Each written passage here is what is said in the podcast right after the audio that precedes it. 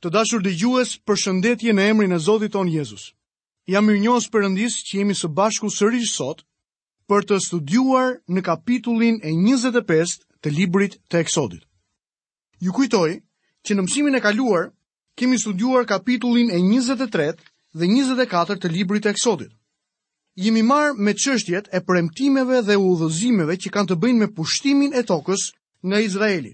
Më poshtë kemi parë radhën e adhurimit përpara ekzistencës së tabernakullit. Shqyrtuam çështjen e Moisiut i cili u ngjit vetëm në malin e Sinait për t'u takuar me Perëndinë. Më poshtë vumë re materialet që duhet të përdoreshin nga populli i Zotit për ndërtimin e tabernakullit. ndërsa sot do të shohim udhëzimet e mëtejshme për ndërtimin e arkës së besëlidhjes. Atëherë pa u vonuar, le të fillojmë menjëherë studimin e sotëm.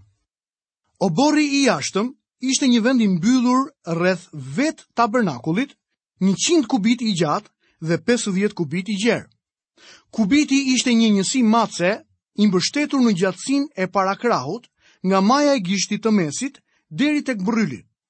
Po të masni tuajin, do të shihni se është rreth 45 cm. Nëse je i shkurtër, do të jetë diçka më pak se aq, ndërsa nëse je i gjatë, do të jetë diçka më shumë. Kështu gjatësia e një kubiti ndryshonte, por ishte rreth 45 cm. Po të shihni planin e dyshemesë së tabernakullit, do të kuptoni se në oborrin e jashtëm ishin altari prej tunxhi dhe legeni. Vetë tabernakulli kishte dy ndarje, vendi i shenjtë dhe vendi shumë i shenjtë. Tabernakulli ishte 30 kubit i gjatë dhe 10 kubit i gjerë dhe 10 kubit i lartë. Vendi i shenjtë ishte 20 me 10 kubit. Vendi shumë i shenjtë ishte 10 kubit i gjatë, 10 kubit i gjerë dhe 10 kubit i lartë, duke e bërë kështu një kub të përsosur. Orenditë në vendin e shenjtë përbëheshin nga tavolina e bukës së paraqitjes, shandani prej ari dhe altari i temjanit. Në vendin shumë të shenjtë ishin arka e besëlidhjes dhe vendi i mëshirës. Në oborrin e jashtëm ishin dy lloj orendish, altari prej bronzi dhe legeni. Ai mbyllej nga një gardh me pëlhurë të bardhë. Le të lexojmë në kapitullin e 25 të librit të Eksodit, nga vargjet 10 deri 13. Do të bëjnë pra një arkë prej drurit të akacies, i gjatë dy kubit e gjysëm, i gjerë një kubit e gjysëm dhe i lartë një kubit e gjysëm. Do ta veshësh nga brenda dhe nga jashtë me ar safi dhe sipër do t'i bësh një kurorë ari që të sillet përqark. Do të shkrish për të katër unaza ari dhe do t'i vësh në katër këmbët e saj, dy unaza nga një anë dhe dy unaza nga ana tjetër. Do të bësh edhe disa shtiza prej drurit të akacies dhe do t'i veshësh me ar. Arka dhe vendi i mëshirës mbi të ishte vendi ku Perëndia do të takohej me bijtë e Izraelit. Ishte vendi ku ata do t'i afroheshin Perëndisë së tyre. Ishte vendi më i shenjtë i tabernakullit. Vëreni se orendia e parë ishte arka. Ne i afrohemi asaj nga këndvështrimi i Perëndisë nga brenda jashtë. Arka ishte në vendin shumë të shenjtë, ku banonte prania e Perëndisë. Po ta shihni nga këndvështrimi i njeriut, së pari do të vinim tek porta e tabernakullit, pastaj tek altari i bronztë dhe më pas tek legeni. Tabernakulli u modelua në mënyrë të tillë që të mund të mbartej, ndërsa izraelitët marshonin nëpër shkretëtirë. Pjesët e tij bashkoheshin kur ata ngrinin kampin dhe hiqeshin kur lëviznin në një vend tjetër. Çdo pjesë e orendive në tabernakull ishte e pajisur me unaza dhe shtiza në mënyrë që të bartej lehtësisht përmes shkretëtirës. Vendi i mëshirës, i cili formonte një mbulesë për arkën, konsiderohej si pjesë e veçantë orendie. Shikojmë vargjet 17 deri 19. Do të bësh edhe një pajtues prej ari safi. Gjatësia e tij do të jetë 2 kubit e gjysëm dhe gjerësia e tij një kubit e gjysëm. Do të bësh pastaj dy kerubinë prej ari. Këta do të punohen me çekiç në të dy skajet e pajtuesit. Bëje një kerubin në një nga skajet dhe një kerubin në skajin tjetër. Kerubinët do t'i bëni prej një cope të vetme me pajtuesin në skajet e tij. Vini re se çfarë thotë Perëndia tani. Lexojmë vargun e 20. Dhe kerubinët do t'i kenë krahët e hapura me drejtim lart. në mënyrë që të mbulojnë pajtuesin me krahët e tyre. Do të kenë drejtim nga njëri-tjetri, ndërsa fytyrat e kerubinëve do të jenë të kthyera në drejtim të pajtuesit. Kerubini shihte mbi vendin e mëshirës. Lexojmë vargun e 21 dhe të 22. Do ta vësh pastaj pajtuesin lart mbi arkën dhe në arkë do të futësh dëshminë që do të të jap ty. Aty unë do të të takoj nga lart mbi pajtuesin, midis dy kerubinëve që janë mbi arkën e dëshmisë do të të njoftoj tërë urdhrat që do të të jap për bijtë e Izraelit. Arka ishte një sunduk i mbuluar me ar jashtë dhe brenda. Ishte bërë me dru akacie, i cili pak a shumë ishte i pashkatërrueshëm. Ishte një simbol i përsosur i Zotit Jezu Krisht në qenien hyjnore dhe njerëzore të tij. Jezu Krishti ishte Perëndia njeri. Hyjnia e tij përfaqësohej nga ari, kurse nga ana njerëzore, nga druri.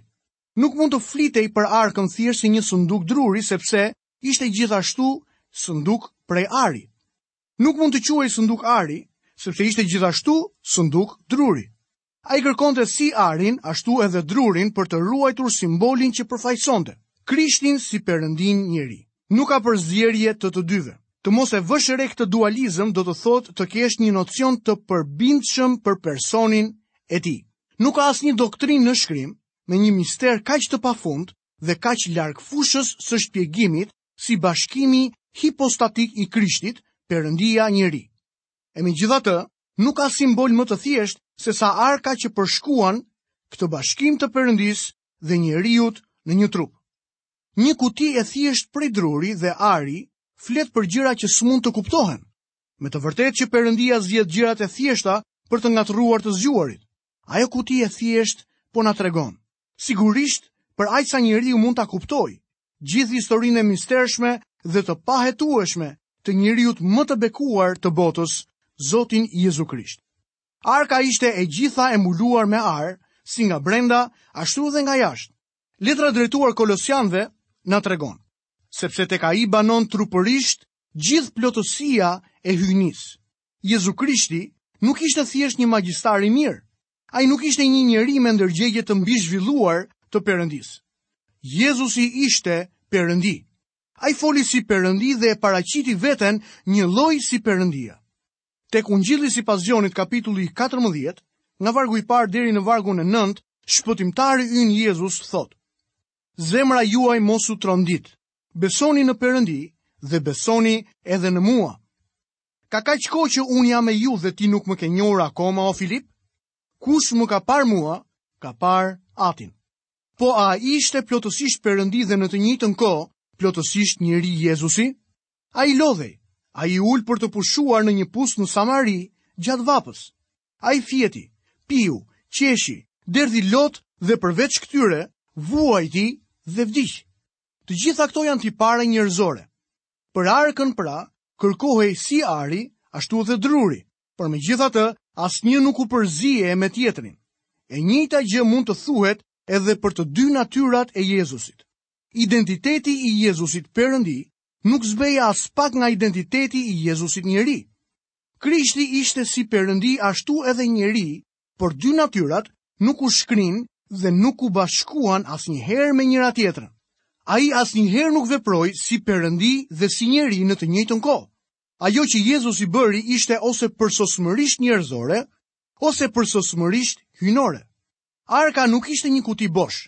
Ajo përmbante tre artikuj, të cilat radhiten tek letra drejtuar hebrenjve në kapitullin e 9 dhe vargun e 4, që përmbante një tymtore prej ari dhe arkën e besëlidhjes të mbuluar nga të gjitha anët me ar, në të cilën ishte një enë e artë me manë. Shkopi i Aronit që kishte buluar dhe rrasat e besëlidhjes. Ato që ndodheshin në arkë ishin simbolike. Shkopi i Aronit që bulonte flet për ringjalljen e Zotit Jezus. Dhjetë urdhërimet flasin për jetën që ai jetoi në tokë. Jezusi e përmbushi ligjin në të gjitha pikat, duke përmbushur në këtë mënyrë profecitë e bëra për të. Tavolinat e besëlidhjes flasin për mbretërimin e Krishtit. Ai lindi mbret, jetoi si mbret, vdiq si mbret dhe u ringjall prej së vdekurve po si mbret.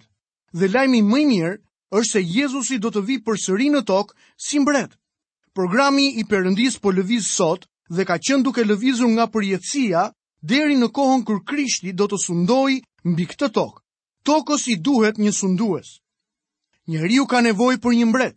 Një ditë Jezusi do të vijë si mbreti i mbretërve dhe Zoti i zotërve. Ndërsa mana flet për Krishtin si profet. Ai fliste për perëndinë, ashtu sikurse Gjoni në kapitullin e 6 dhe vargun e 32 në ungjillin e tij e tregon. Në të vërtetë, në të vërtetë po ju them, se jo Moisiu jua ka dhënë bukën nga qielli, por ati im ju jep bukën e vërtetë nga qielli. Jezu Krishti ishte mesazhi i perëndisë për njeriun, Ai ishte Logos, Fjala e Perëndisë, alfabeti i Perëndisë, Alfa dhe Omega. Ai është mesazhi i fundit i Perëndisë për njeriun.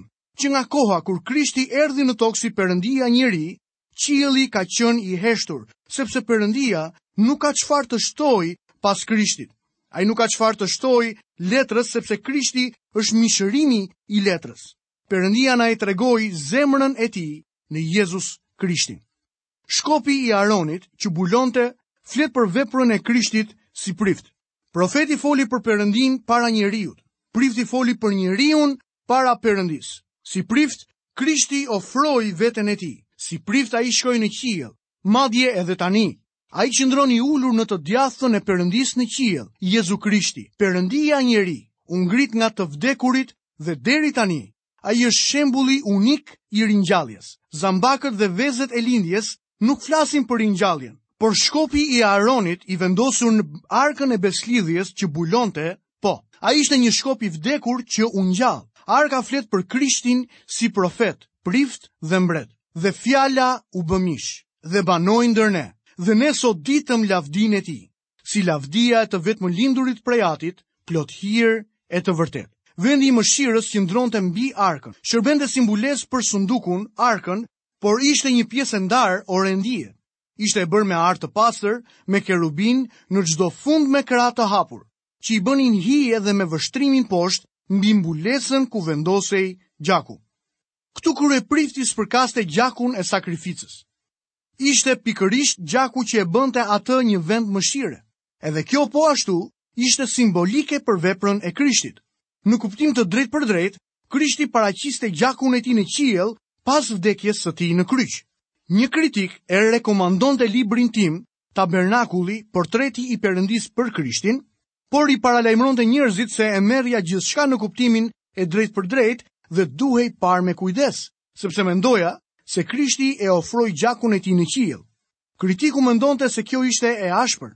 Nuk besoj se është e ashpër, sepse gjaku i Krishtit nuk është i ashpër, ai është i çmuar. Apostulli Pjetër e quan të çmuar gjakun e shpëtimtarit të tij, tek letra e parë e Pjetrit kapitulli i parë, vargu 18 dhe 19. Duke ditur, thotë Pjetri, se jo me anë gjërash që prishen, Si argjendi ose ari jeni shpenguar nga mënyra e kotë e të jetuarit të trashëguarit nga etërit, por nga gjaku i çmuar i Krishtit, si të qengjit të patëmet dhe të panjollë. Gjaku i Krishtit është më i çmuar se argjendi apo ari. Gjëja më e vlefshme në qiell është gjaku që Jezusi derdhi për njeriun në tokë. Ai e paraqiti gjakun e tij ndërsa hynte në qiell dhe kjo e bën fronin e Perëndisë sot një vend mëshire për ne. Ne jemi urdhëruar të vijmë tek Perëndia sot në bazë të faktit se Jezu Krishti, kryeprifti ynë i madh, e ka ofruar gjakun e tij për mëkatet tona. Tek letra drejtuar hebrenjve në kapitullin e 4, nga vargjet 14 deri në 16, na thuhet: Duke pasur pra një kryeprift të madh që ka përshkruar qiejt, Jezusin, Birin e Perëndisë, le të mbajmë fort rrëfimin tonë të besimit, sepse ne nuk kemi një kryeprift që nuk mund t'i vijë keq për dobësitë tona, po njërin që u tundua në të gjitha ashtu siç ne, por pa mëkatuar. Le t'i afrohemi pra me guxim fronit të hirit, që të marrim mëshirë dhe të gjejmë hir për të pasur ndihmë në kohë nevoje. I dashur dëgjues, Ti dhe unë i afrohemi Perëndisë nëpërmjet kryepriftit tonë të madh në qiell. Ai është Krishti, i gjallë që qëndron në të djathtën e Perëndisë. Përmes tij gjejmë mëshirën dhe ndihmën. Shumë besimtarë po përpiqen ta luftojnë betejën vetëm. Ata kërkojnë t'i bëjnë ballë vetë jetës së tyre. Miqtë e mi, ju dhe unë nuk mund ta bëjmë këtë. Nuk jemi të fortë sa duhet, ja pse kemi kaq shumë nevojë për ndihmë. Dhe ne nuk po e dorëzojmë veten në ndihmën që Krishti ofron. Pali lutej për efesianët që pushteti i fuqishëm që vepron në Krishtin, duke e ngjallur atë prej së vdekurish, të mund të vepronte në ta. Sot shumë pak e shohin atë fuqi të veprojë tek besimtarët. Ja pse duhet të mbahemi fort pas tij me anë të besimit, sepse kemi një kryeprift që qëndron në të djathtën e Perëndisë. Kryeprifti që shërbente në këtë tabernakull, futej në vendin e shenjtë, spërkaste gjakun në vendin e mëshirës dhe dilte jashtë përsëri. Ndërsa Krishti kryeprifti ynë, kur bëri flijimin e tij, u ul në të djathtë të Perëndisë dhe vazhdon të qëndrojë aty për ne. Ai vdiq këtu poshtë për të na shpëtuar. Ai jeton në qiell për të na mbajtur të shpëtuar. Dhe ne duhet të qëndrojmë në kontakt me të. A ke folur sot me Jezusin? Deri tani kemi parë artikujt e orendive tek vendi shumë i shenjtë, Arka dhe vendi i mëshirës. Tani do të studiojmë orenditë në ndarjen e dytë, vendin e shenjtë. Le të shohim se çfarë shkrimi na tregon për tavolinën e bukës së paraqitjes. Në vendin e shenjtë gjenden tre orendi. E para është shandani i artë, e dyta tavolina e bukës së paraqitjes dhe orendia e tretë është altari i Temjanit. Brenda vendit të shenjtë ndodhet vendi i adhurimit. Shandani i artë është një nga figurat më të përsosura që kemi për Krishtin. Tavolina e bukës së paraqitjes flet për të sikur të ishte buka e jetës. Altari i Temjanit flet për lutjen, që Zoti është ndërmjetësi ynë më i madh sot. dhe ne i lutemi atit përmes tij. Tavolina e bukës së paraqitjes ka 12 copa buke në të. Ka shumë shpjegime se si ishin vendosur secila prej tyre, por gjëja më e rëndësishme për të mbajtur mend është se çdo copë përfaqësonte një fis të Izraelit. Me fjalë të tjera, Perëndia po siguronte barazi për të gjithë. Le të lexojmë vargun e 23 në kapitullin e 25 të librit të Eksodit.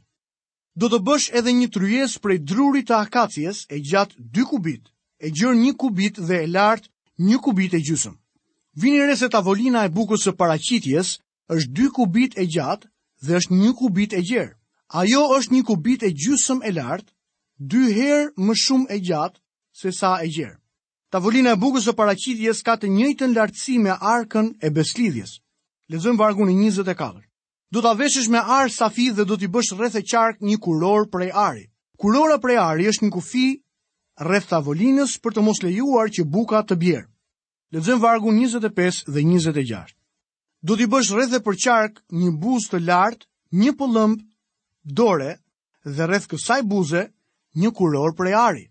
Do t'i bësh gjithashtu katër unaza ari dhe do t'i veshësh unazat në katër qoshet që ndodhen në katër këmbët e tryezës. Edhe një herë na thuhet se shtizat duhej të vendoseshin përmes këtyre unazave në mënyrë që tavolina të mund të mbahej përmes shkretëtirës. Kur bijtë e Izraelit udhëtonin, priftërinjtë mbanin atë mbi supet e tyre. Lexojmë vargun 29 dhe 30. Do të përgatisësh edhe pjatat e tij, gotat e tij, kupat e tij dhe filxhanët e tij me të cilët bëhen libacionet dhe do t'i bësh me ar safi dhe do të vësh mbi tryezë bukën e paraqitjes që do të rrijë vazhdimisht para meje. Buka paraqet Krishtin. Prandaj edhe tavolina paraqet Krishtin. Ajo jep një portret të tij. Tavolina e bukës së paraqitjes sugjeron shumë gjëra. Ajo flet për ushqim, sigurim dhe furnizim. Ajo është tavolina e shpëtimit. Zoti ynë Jezus tek ungjilli sipas Mateut në kapitullin e 22, nga vargu i parë deri në vargun e 14, na dha një shëmbëlltyrë që na tregon për martesën e birit të mbretit. Të ftuarit nuk pranuan të vinin dhe kjo bëri që mbreti të mos merrej më me ta. Dikush mund të mendonte se ai do ta anullonte dasmën fare, por ja që mbreti mendonte ndryshe. Ai e zgjeroi ftesën duke përfshirë edhe ata që ishin në rrugë, dhe ata u ftuan të vinin e të hanin. E njëjta gjë ndodhi edhe me Jezusin. Ftesa e tij i është dhënë sot gjithë botës. Gjithë bota mund të vijë dhe të marrë shpëtimin në Zotin Jezu Krisht. Tavolina e bukës së paraqitjes mund të quhet ndryshe edhe tavolina e sigurimit. Perëndia si krijues siguron ushqimin për njerëzit dhe kafshët. Miku im, të pëlqen apo jo, nga ana fizike ti ha çdo ditë në tavolinën e Perëndisë. E megjithatë, sa pak njerëz e kuptojnë këtë të vërtetë dhe e falënderojnë Perëndinë për bollëkun e tij. Perëndia është ai që siguron për ne në çdo kohë, në të mirë dhe në të keq. Kjo tavolinë flet edhe për darkën e Zotit, ashtu siç u bë e njohur nga vetë Zoti pak para vdekjes së tij në kryq. Ajo është një tavolinë për besimtarët, Tavolina e bukës së paraqitjes është një pamje e Krishtit si ai që ushqen jetën shpirtërore të besimtarit. Tavolina ishte dy kubit e gjatë, një kubit e gjerë dhe një kubit e gjysmë e lartë. Ishte bërë prej druri akacieje me një shtresë ari sipër. Druri i akacies që pothuajse nuk prishet, na tregon për anën njerëzore të Jezusit. Ai ishte prodhim i tokës. por nuk pësonte gjë prej saj në mënyrë kimike. Në po të njëjtën mënyrë, Zoti ynë kishte një trup të përbërë nga elementë tokësorë dhe ishte ngjizur në mitrën e një virgjëreshe. Ndërkohë që ari flet për anën hyjnore të tij, ai nuk prodhohet nga toka. Përkundrazi, ndahet prej saj dhe ka një vlerë të qenësishme. Krishti për sa i përket anës së tij hyjnore nuk ishte nga toka. Ai ishte Perëndia. Ai erdhi nga lavdia. Mbi tavolinë ishin vendosur 12 copa buke. Tavolina dhe buka nuk ndahen nga njëra tjetra. Të njëjtën gjë bëjmë edhe ne sot kur themi tavolina e Zotit. Nuk hamë tavolinën, por e shoqërojmë fjalën tavolinë me fjalën ushqim. Këtë lloj metonimie e gjejmë të përmendet shumë shpesh në shkrim. Buka ndrohej çdo sabat. Atë që mbetej e hante me verë familja priftërore në vendin e shenjtë. Kjo tavolinë nuk jep figurën e Krishtit, ashtu siç e jep mana. Edhe pse të dyja, flasin për Krishtin, nuk është njësoj. Mana flet për Krishtin si jetëdhënësi. Të dashur dëgjues, këtu kemi mbërritur dhe në mbylljen e emisionit të sotëm. Ju kujtoj që të njëjtin studim, pjesën tjetër, do ta vazhdojmë në emisionin e ardhshëm. Dhe deri atëherë, paçi bekimet dhe paqen e Perëndisë në jetën tuaj. Nga vëllai juaj Akil Pano, bashkë mirudëgjofshim në programin e ardhshëm.